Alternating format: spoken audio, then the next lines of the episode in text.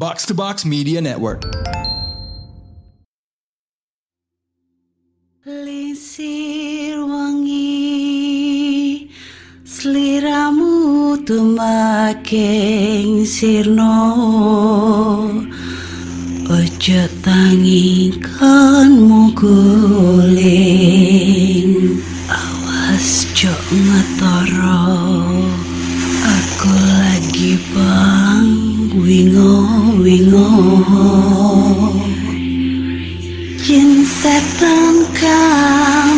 utusi sembarang Wojo layu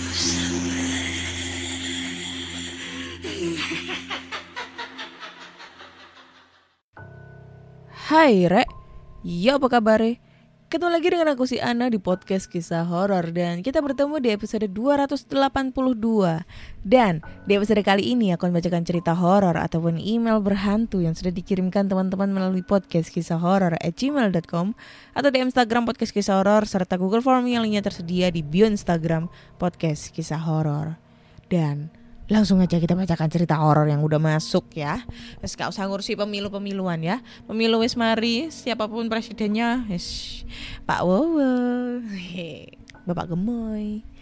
Jadi langsung aja kita bacakan cerita horor yang sudah masuk di email dan cerita ini datang dari Irfan. Hai Kak Ana, perkenalkan namaku Irfan. Jadi ini adalah pengalaman aku, beberapa banyak pengalaman aku yang pernah aku alami bertemu dengan setan. Jadi langsung aja. Jadi pada pada zaman dulu di hari Sabtu tanggal 6 Oktober, kita ada sesi prewedding di indoor sama outdoor dari jam 10 pagi sampai jam 9 malam. Setelah rampung, badan itu capek banget. Kebetulan si owner itu malam itu lagi ada meeting sama klien. Alhasil jadi tinggal kita berdua. Akhirnya aku sama temen itu mutusin tidur di studio. Adem, ada AC-nya. Kira-kira jam sebelasan aku dengar suara-suara kayak lemari yang dibuka tutup. Terus pintu juga dibuka tutup sama suara keran air yang nyala. Pantesan, di dapur terang, kerannya nyala. Kami kira itu si owner udah datang. Kami bangun kriep-kriep mau ngasih hasil foto buat dicetak. Pas turun ke ruangan, si owner ternyata kosong. Doi belum nyampe. Hmm, mungkin tadi itu tikus kali ya. Pikir kita dengan positif. Naik lagi deh kami buat lanjutin tidur. Pas buka pintu, di sofa yang biasa kita pakai buat properti, ada yang duduk pakai baju putih. Rambutnya kerdil atau pendek. Dengan ragu kita deketin sosok itu. Hingga kira-kira sampai jarak 5 meter, kami berhenti sejenak ambil nafas. Duh, menegangkan, sumpah. Dan tiba-tiba kepalanya itu nengok ke belakang 180 derajat ngeliatin kita. Mungkin ada sekitar 10 detik kita jadi patung. Terus langsung ngibrit turun. Dada juga tiba-tiba rasanya kayak kempes. Nafas gak punya aturan kayak gak pernah disekolahin. Ngibrit udah kocar kacir sampai lupa teriak. Sampai akhirnya gubrak. Kami tersungkur pas di tangga dekat lantai bawah. Kita bangun lagi, terus lari lagi. Bodoh amat dah sama HP, dompet, laptop, kamera masih pada di atas. Yang penting kita selamat. Kita keluar studio, terus kunci pintu depan. Kunci kita bawa. Besok paginya si owner ini nelpon sambil ngomel-ngomel masalah kunci. Terus lampu, AC, komputer belum pada dimatiin. Kita berdua datang ke sana buat jelasin. Pas kita cerita, ternyata si owner ini malah kasih penjelasan. Kalau itu bukan penunggu asli di situ. Yang kemarin cuma numpang lewat dan maunya itu ngingetin kalau lampu belakang belum dinyalain. Dan di situ saya baru tahu kalau si owner ini punya kelebihan. Dan saya baru tahu lagi setelah dia jelasin kalau yang semalam itu kuntilanak berjenis kelamin laki-laki atau kuntil boy. Nah, terus ada pengalaman lagi nih. Ini diceritain sama ibu aku pas waktu aku masih kecil, umuran satu tahun waktu itu. Jadi papa aku tuh pernah kerja di satpam di PT Aroban. Sekarang diganti jadi PT Aciles Multi Multistrada di daerah Cikarang, Karawang. Jadi waktu itu aku masih umur satu tahunan kak. Terus aku tuh sering sakit-sakitan waktu itu. Dan mama juga pernah satu bulanan nggak bisa jualan, eh nggak bisa jalan. Udah berobat di sana sini dan di mana-mana, tetap aja nggak sembuh-sembuh. Pas dibawa ke saudara yang emang ngerti begituan, ternyata di tempat papa kerja aku itu ada Mbak Kuntilanak naksir sama papaku. Ke mana-mana papaku tuh diikutin. Rupanya Do ini kesel kalau papa udah punya istri sama anak. Makanya kaki mama itu dipegangin terus sama dia biar nggak bisa jalan. Kami pun akhirnya mengadakan pengajian dan walhasil Mbak Kuntilanak Ganjen itu pergi. Katanya sih doi bukan penunggu pabriknya, tapi sekedar mampir terus naksir papa. Dan menurut teman papa, ternyata kerjaan Mbak Kuntilanak selama belum ketemu papa itu kalau malam suka loncat dari atap pabrik satu ke pabrik lain. Kemudian ini ada pengalaman lagi kak, pas aku SMA. Jadi tiap malam minggu pasti aku tuh ngapelin pacar aku. FBI rumah aku tuh biasa dijadiin tempat nongki-nongki sama anak-anak ABG. Jadi waktu itu ramai banget. Karena nggak enak pacaran rame-rame, aku ajak nih pacar aku main di depan rumah tetangga yang masih saudaraan sama keluargaku. Di depan rumah itu ada pohon mangga. Nggak terlalu gede. Dan anehnya, pas di situ pacar aku malah nunduk mulu. Kamu kenapa sih nunduk-nunduk? Malu ketemu aku ya? Enggak kok, nggak apa-apa. Ah, yang bener. Aku jelek ya? Enggak, bener. Aku nggak enak aja ngomong sama kamu. Emang kenapa sih? Terus uh, pacar aku bilang, coba lihat di pohon mangga.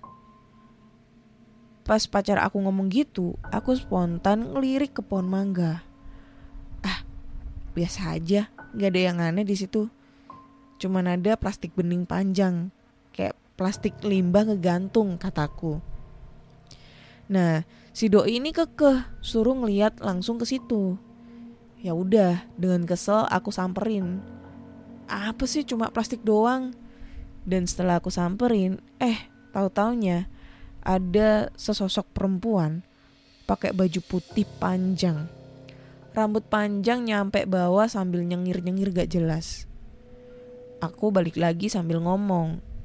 Kayaknya kita gabung sama anak-anak aja deh. Tanpa mikir panjang, doi dorong dorong aku, terus aku ngedorong motornya. Nah, aku jalan santai tuh. Seakan-akan gak ada apa-apa. Padahal pengen lari, terus teriak. Tapi entah kenapa gak bisa. Dan sedihnya lagi, pacar aku tuh sekarang udah jadi mantan. Eh, sedih dong. Lalu cerita berikutnya nih kak. Jadi waktu itu aku sama keluarga itu tinggal di daerah Bekasi. Tepatnya di Cikarang bagian timur. Nah di depan rumah aku itu ada akses jalan raya yang sebenarnya ada kebun sama pemakaman keluarga. Jadi pernah sesekali orang rumah termasuk aku itu pernah dengar bunyi suara delman jam 1 sampai jam 2 malam. Suara delman itu berhenti tepat di pemakaman tersebut. Siangnya aku cerita tuh ke mama. Kata mama kalau dengar suara kayak gitu cuekin aja, nggak usah ditengok. Itu suara almarhum para sesepuh mau lewat. Lalu kejadian lagi nih kak Anjir banyak banget kejadianmu Pas SMP Waktu itu aku ikut ekskul pas kibra Dan kebetulan terpilih jadi penjuru tinggi di tim inti Ekskul ini populer banget sampai dari sekolah-sekolah lain juga ngasih aplaus Tahun 2011, tim Paskibra kami dipilih ikut serta perlombaan an- antara eh antre atau baris baris berbaris sejabodetabek dan Banten. Kebetulan lokasi acara perlombaan juga berada di daerah Banten. Sehari sebelum lomba, pelatih nyuruh kami semua untuk pergi ke SMA negeri di Banten. Itu lokasi buat tes lapangan atau gladi resik. Kami nyampe sekitar jam 17 lewat 30.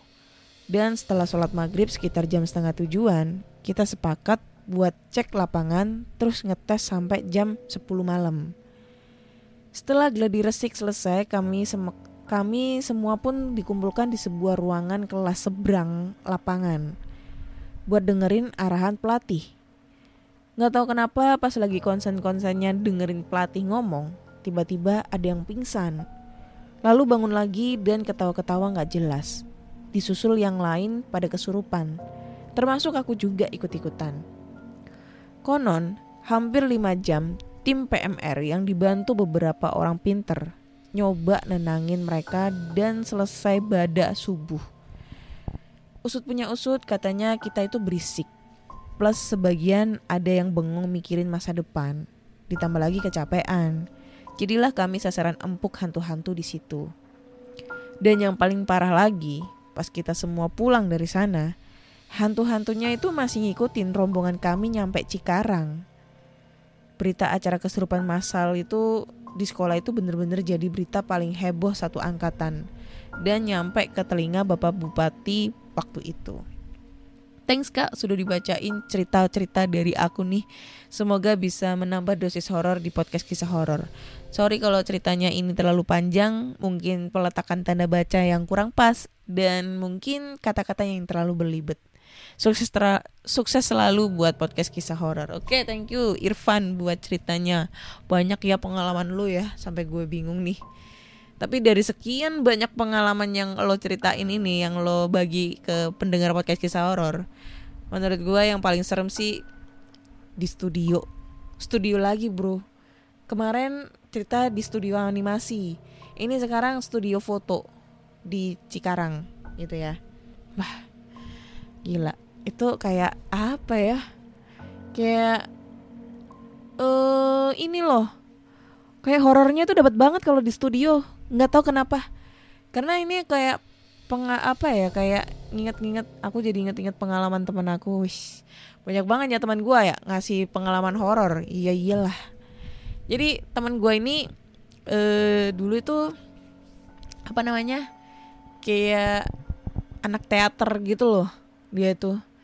Jadi di Surabaya itu ada yang namanya eh, tempat teater ludruk gitu. Nah ludruk ludruk gitulah Eh, itu di daerah Genteng Kali gitu kan. Nah, biasanya itu ada Pak Kirun, ada pokoknya ada pokoknya eh, pelawak-pelawak Surabaya legend gitulah ya. Nah, waktu itu tuh dia cerita eh, mau ada pentas gitu kan. Nah, latihan tuh di situ di apa di tempat teaternya itu gitu kan. Nah, di situ tuh banyak kostum-kostum gitulah. Pokoknya kostum-kostum ya banyak banget lah yang kostum jadi pembantu, kostum yang jadi pokoknya banyak-banyak banget lah yang intinya kostumnya tuh khas khas Jawa gitu. Nah, terus pas selesai latihan-latihan gitu, itu kan gladi, gladinya kan pagi. Nah, sore itu acara penampilannya. Nah, waktu itu siangnya itu mereka itu kayak mulai make up make up gitulah. Make up. Nah, ada nih salah satu eh, temannya dia itu make up kayak orang-orang Madura gitu loh apa ya yang pejuang Madura yang pakai eh, iket khas Madura terus make upnya itu tapi make upnya itu kayak apa sih yang sing cak-cak Madura itu loh sing pakai pemerah pipi terus ada kumis-kumisan yang kayak Pak Raden eh bukan Pak Raden yang kumis-kumis kayak Gatot Kaca gitu terus pokoknya dikasih merah-merah pipi pokoknya di make upin gitulah kayak kelihatan gagah gitulah pokoknya intinya kayak gitu pakai baju lorek-lorek putih merah terus dikasih eh, kayak kemeja hitam itu loh ya kalian bisa bayangin lah eh apa namanya busana adat Madura kayak gitu ya nah itu itu ada yang make up kayak gitulah Aku nggak tahu temanya tentang apa lupa. Ini ceritanya udah lama banget. Aku baru inget. Nah, pas di make upin itu dia tahu ini ini cowok itu udah di katanya tuh posisinya udah di make upin terus dia tuh lagi duduk aja diem di pojokan gitu loh. Mungkin karena kan dia udah selesai make up jadi dia nunggu teman-temannya yang lain. Dan temen aku tuh masih di make upin gitu loh sama temennya dia gitu kan. Cewek temen aku. Nah udah kan? Nah dikiranya itu temennya kan udah ternyata yang menjadi pemeran yang orang Maduranya itu lewat nih di depannya dia. Tapi belum make upan gitu. Soalnya kan yang jadi pemeran orang Madura itu cuma satu doang temennya dia cowok. Nah waktu dia ngeliatin si sosok yang menyerupai temennya dia itu yang sudah di make up ala ala orang Madura itu itu tuh ngeliatin dia kosong ngeliatin ke ke arah temen aku ini yang lagi di make upin tapi pandangannya kosong kayak serem banget gitu loh yes pokoknya diem gitu. Terus ngeliatin terus gitu ke temen aku tanpa tanpa kedip. Nah ternyata yang menjadi peran orang Maduranya itu lewat di depannya dia. Tapi belum make upan. Ya anggap aja namanya Adi gitu ya. Loh di kayaknya tadi udah make upan. Kok wes bawa hapus? Gitu kan kok udah dihapus? Wah belum kok. Ini aja aku mau make upan. Ini aku baru selesai cuci muka. Dia bilang gitu kan. Loh aku lo ngeliat kamu tadi tuh udah di make up udah pakai kostum lengkap terus duduk di situ. Nah pas pas nunjuk ke arah duduk yang dia kasih uh, dia lihat si sosok itu si sosok itu tuh hilang kayak gitu. Udah nggak ada gitu loh. Akhirnya dia kayak ah, udah nggak mau cerita ke temennya gitu. Takut mereka takut gitu kan. Terus akhirnya kalau mereka takut nggak konsen akhirnya buyar gitu pertunjukannya usut punya usut sih katanya sih ya. Aku nggak tahu sih untuk untuk kejelasannya. Mungkin ada teman-teman yang tahu gitu uh, tempatnya itu emang sedikit agak angker gitu. Bukan angker sih. Kita tahu ya setiap tempat itu ada ada penunggunya. Tapi biasanya itu tempat yang biasanya ada kostumnya ada kayak manekin manekinnya atau mungkin boneka boneka yang ibaratnya itu untuk kebutuhan properti atau kebutuhan untuk pertunjukan itu pasti terbilang serem kalau misalnya itu ditinggal sendirian eh ditinggal di tempat gitu jegrek posisi lampu mati terus ditinggal gitu. Itu kayak udah ada kesan seremnya. Karena percaya apa enggak? Uh, biasanya itu makhluk halus katanya sih ya makhluk halus itu selalu masuk ke benda-benda yang menyerupai orang atau hewan. Misalnya nih boneka, manekin, lukisan, patung. Nah itu biasanya itu mereka bersemayam di situ, kayak gitu. Karena di situ katanya uh, mereka uh, bendanya itu menyerupai orang. Ada tangannya, ada matanya, ada kakinya, ada badannya, kayak gitu. Beneran guys. Kalau kalian nggak percaya, coba kalian lihat-lihat di YouTube gitu, uh, YouTube-nya Ewing gitu kali ya, eh, boneka-boneka yang berhantu. Uh, makanya sampai sekarang gue tuh nggak nggak mau punya boneka, takut coy. Nah, teman-teman nih yang punya boneka, coba dicek boneka kalian. Kalau tiap malam itu gerak-gerak sendiri apa enggak? Jangan-jangan pas kalian tidur ternyata bonekanya kalian tuh jalan-jalan kayak boneka caki gitu. Anjir, serem anjay. Anjay. Gitu deh. Oke, lanjut ke cerita berikutnya ya. Eh. Jadi kita lanjut aja ke cerita berikutnya. Dan cerita ini datang dari Silva. Judulnya adalah Jurnal Misteri Rumahku. Hmm. Jadi rumahnya banyak misterinya nih. Oke. Okay. Halo Kak Ana, perkenalkan nama aku Silva. Saya akan membagikan beberapa pengalaman saya dan keluarga di rumah kami yang berada di daerah Garut. Jadi sebelum kami pindah ke sini, rumah ini tuh sebelumnya udah kosong bertahun-tahun. Diceritain tetangga, katanya pernah ada tukang jamu lewat dipanggil dari dalam dari dalam rumah. Beli mbak, si tukang jamu berhenti Lama dia berdiri nunggu di depan rumah. Lalu tetangga ini nggak sengaja pas mau keluar lihat si tukang jamu berdiri di situ. Sedang apa mbak? Tanyanya kepo. Lagi nunggu orang rumah ini mau beli katanya. Loh, Rumah ini kan kosong. Si tukang jamu itu mukanya langsung pucat dan lari. Gak lama balik lagi rupanya jamunya ini ketinggalan. Anjay. Nah diceritain tetangga lagi bahwasannya dulu keranda mayat warga sering kali diinepin di rumah ini. Nah setelah rumah itu dibeli oleh ibuku, yang tinggal di sana itu kakak sama temennya. Karena listrik masih belum dipasang, jadi kalau malam dipasang lilin. Tengah malam itu kakak kebangun kebelet pipis. Uh, dia minta antar ke temennya untuk ke kamar mandi. Setelah selesai, temennya kakak kan jalannya di belakang sambil bawa lilin. Tiba-tiba doi ini gemeteran, tapi diem aja. Takutnya kakak ikutan gemeteran. Eh, salah. Takutnya kakak ikutan takut. Keesokan harinya dia tuh baru cerita kalau waktu itu di antara mereka persis di belakang kakak dan di depan dia ada bayangan putih bergerak-gerak. Nah, setelah rumah itu ditempati, awalnya juga hawanya itu hambar gitu.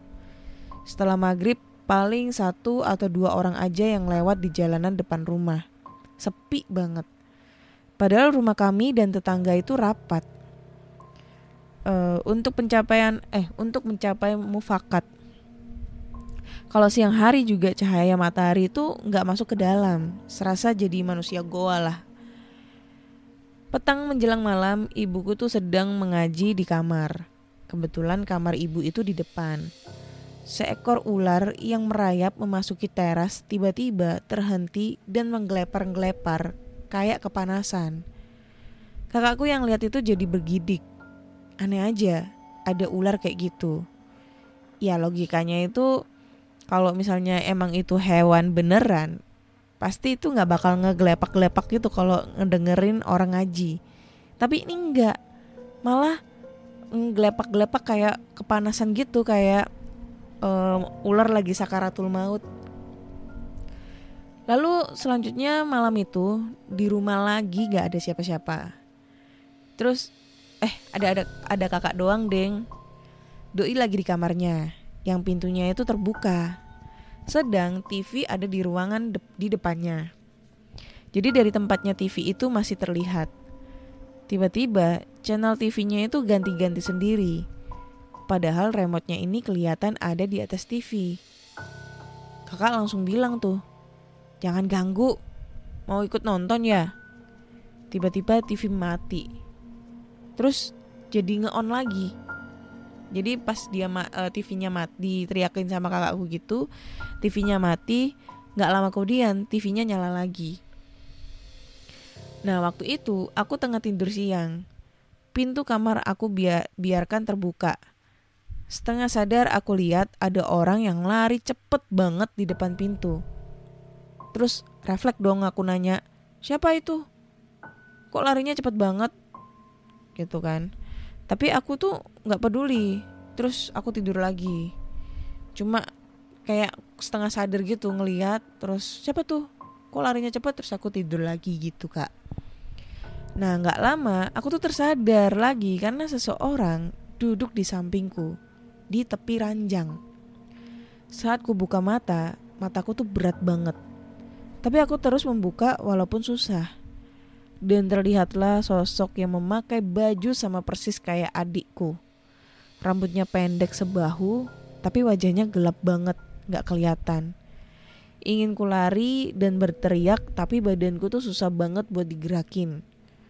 Aku merem lagi sambil baca-baca doa di dalam hati. Tiba-tiba rambutnya itu dapat kurasakan di pipiku. Dia mendekatiku, keringat dingin makin mengucur di seluruh tubuhku.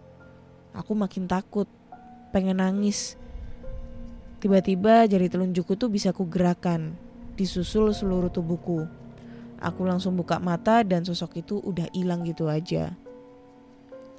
Kemudian ini terjadi uh, sama ponakanku kak. Jadi siang itu keponakanku yang masih kecil itu bawa-bawa HP milik ayahnya, kakakku. Nah dia itu iseng tuh cekrek-cekrek foto di sekitaran halaman rumah.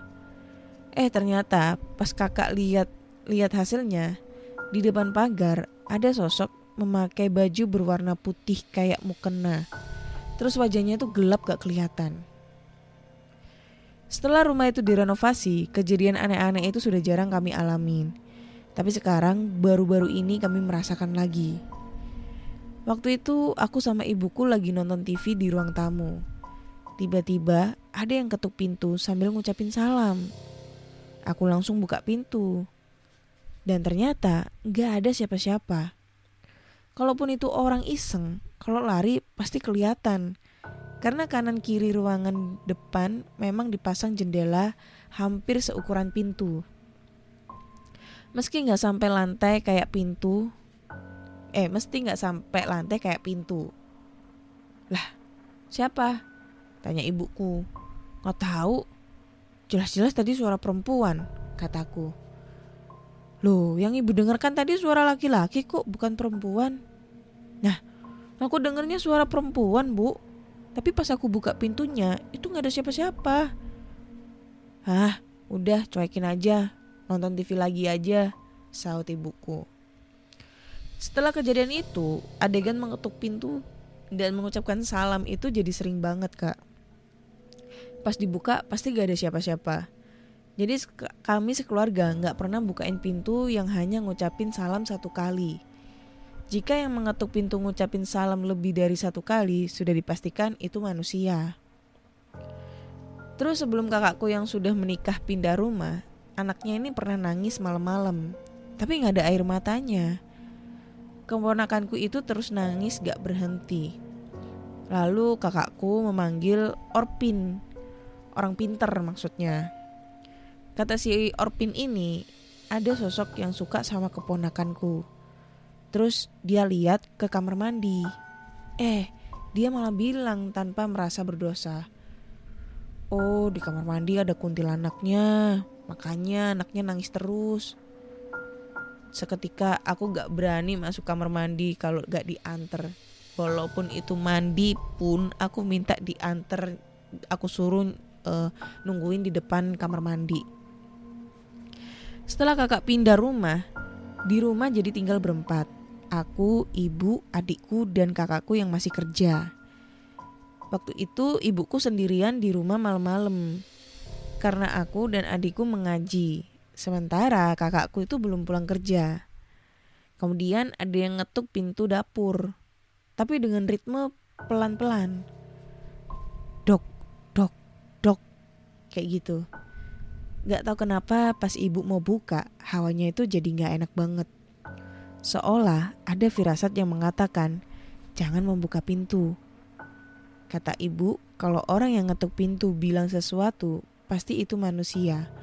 Kalau tetap ngetok pintu kayak gini terus, maksudnya ketok pintu tanpa ada omongan dan lain-lain, cuma hanya suara ketokan pintu, berarti sesuatu yang lain dan ditunggu hingga beberapa menit masih mengetuk pintu dengan ritme yang sama.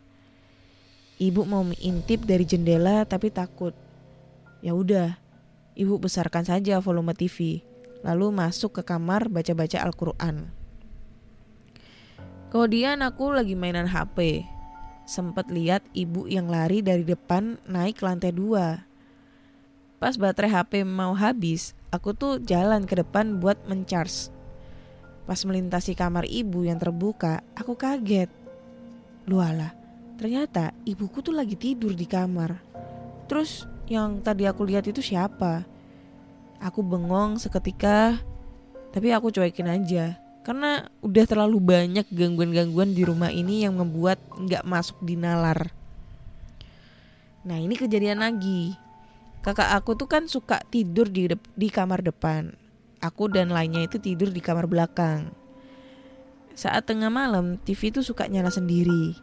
Kata kakak, itu bukan sekali dua kali terjadi, tapi hampir tiap tengah malam. Nah malam itu kakak itu sampai rumah dengan tergopoh-gopoh. Dengan, kak dengan kaki yang belepotan tanah. Karena memang hujan baru berhenti malam itu. Meninggalkan genangan di jalan. Ceritanya dia itu baru pulang dari rumah kakakku yang udah pindah rumah tadi. Pas pulang, dia itu dihadapkan pada dua pilihan jalan ke rumah.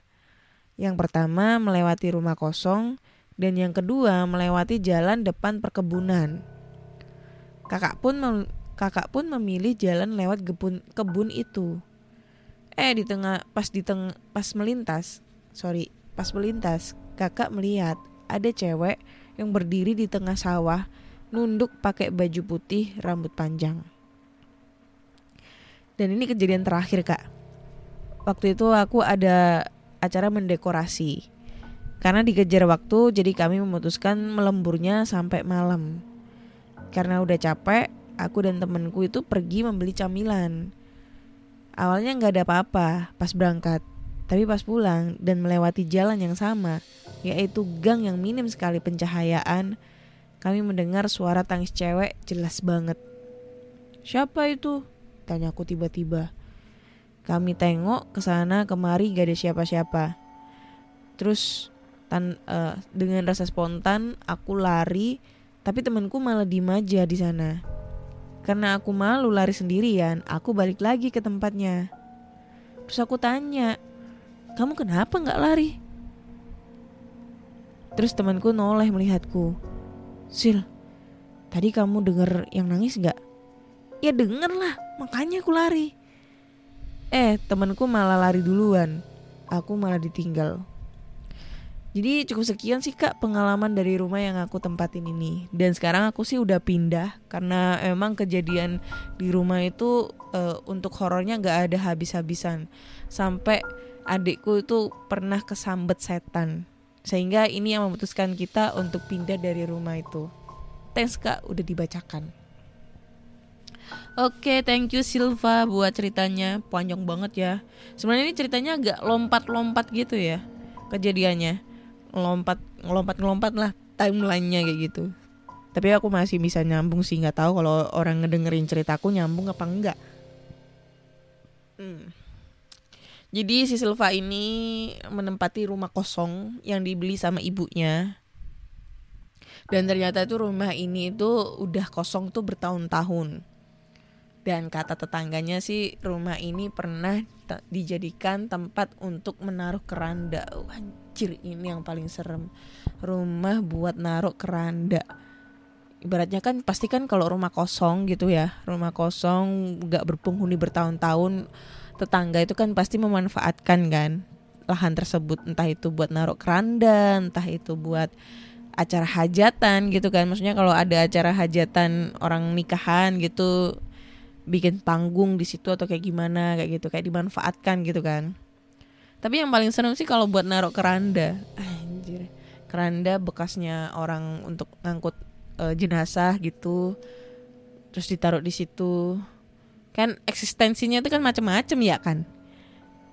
Nggak tahu kan yang nempatin itu keranda siapa aja entah kuntilanak pocong. Kalau pocong mah udah jelas karena kita nanti meninggal juga pakai pocong-pocongan. Tapi kan kayak wah serem banget sumpah.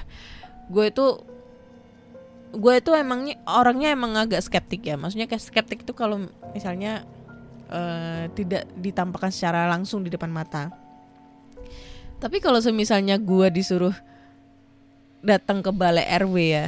Biasanya itu kan eh, kalau kita ada keperluan minta surat keterangan ke balai RW ke Pak RW atau apa kan datangnya ke balai RW nah kalau balai RW di tempatku itu ini balai RW sampingnya di samping balai RW itu ada ruangan. Nah ruangannya itu khusus untuk naruh keranda mayat sama eh, apa ya bisa dibilang kayak kalian tahu tirai ijo warna ijo yang buat nutupin mandiin jenazah sama eh, apa tuh kayak amben buat mandiin jenazah nah itu ditaruh di situ coy Nah rumah aku aku tuh kalau misalnya mau ke mana-mana mau keluar rumah gitu ya mau keluar rumah ataupun pokoknya akses jalanku tuh ngelewatin balai RW tersebut ngelewatin di samping balai RW tersebut yang buat naruh keranda mayat. Jadi kalau misalnya gua habis main gitu pulang kemalaman jam 10 jam 11 kalau ngelewatin area situ secara refleks itu pasti ngelihat ke arah eh, ruangan buat nyimpen keranda tersebut. Tapi gua nggak pernah ngeliatin apa-apa sih karena di situ memang nggak ada jendelanya cuma eh, tembok-tembok terus ada pintu gitu loh. Mungkin memang sengaja nggak di- nggak dikasih jendela kali ya. Tapi kayak ada rasa penasaran banget gitu loh. Pokoknya refleks ngelihat ke arah ke arah apa namanya eh, tempat tersebut tapi katanya sih kalau dengar-dengar ya kata tetangga, tetangga sih ya tetangga atau mungkin orang yang lagi ronda gitu ya. Setiap mereka kalau ngelewatin ke arah yang apa pos buat nyimpen bal keranda itu eh, malam-malam gitu ya mesti mereka tuh refleks kayak ngedenger suara orang ngetok pintu tapi dari dalam. Kayak pintunya tuh diketok tapi dari dalam. Nah itu. Tapi kalau gua sih mikirnya mungkin halu ya. Karena kan kita kalau misalnya ngelewatin daerah-daerah serem gitu tempat-tempat serem jalanan serem atau ngelewatin rumah angker rumah kosong kayak gitu-gitu pasti kita tuh tersuges yang aneh-aneh gitu. Sehingga pada saat kita ngelewatin itu pasti kita mikirnya anjay pasti ada yang ngetok-ngetok. Anjay ada setan. Anjay ada apa? Kayak gitu-gitu deh. Jadinya malah kita tuh kayak percaya di situ ada setannya. Kayak gitu kalau kalian nggak percaya nih ya kalau kalian nggak percaya coba nih ya kalau misalnya ya kalian deng habis ngedengerin cerita serem atau ngeliat film horor udah ini ya praktekin di rumah. Eh terus abis ngeliatin film-film horor ataupun cerita-cerita horor kalian tidur matiin lampunya. Matiin lampu kamar pokoknya gelap dalam keadaan gelap. Udah ya. Nah pada saat kalian udah matiin lampunya pasti kalian bakal tersuges di pojok kamar. Di pojok kamar di dalam kalian di dalam kamar kalian di pojok pokoknya. Entah itu di pojok entah itu di depan di mana pun itu. Kalian pasti kayak tersuges ngelihat bayangan hitam di depan kalian. Tuh kalau kalian nggak percaya coba aja. Kalau misalnya itu terjadi dan kalian udah berhasil melihat sugesti itu kalian bisa langsung aja komentar di kolom komentar. Tuh guys. Karena gue udah pernah praktein sih Oke deh, kayaknya cukup sekian dulu di episode kali ini. Ceritanya lumayan panjang-panjang dan lumayan serem ya. Tapi menurut aku yang paling serem itu di studio, lagi-lagi studio. Kalau episode kemarin studio animasi, ini studio foto. Nggak tahu kenapa, kayak ngerasa serem banget gitu. Jadi kalau kalian punya pengalaman yang serupa, cerita horor yang serupa, kalian bisa langsung aja kirim cerita kalian ke podcast kisah horor at gmail.com atau DM Instagram podcast kisah horor serta Google Form yang linknya tersedia di bio Instagram podcast kisah horor. Jangan lupa juga dengerin podcast kisah horor di Spotify, Google Podcast. Eh Google Podcast udah mau nggak ada sih. Di Apple Podcast, Noise ya. Jangan lupa juga tinggalin komentar kalian di platform kesayangan kalian untuk mendengarkan podcast. Jangan lupa juga subscribe podcast kisah horor di Noise dan kasih rating bintang 5 untuk podcast kisah horor di Spotify agar gue selalu aktif dan semangat lagi untuk ngebuat podcast gitu ya. Akhir kata saya Ana undur diri dan terima kasih sudah mendengarkan podcast kisah horor. Bye bye.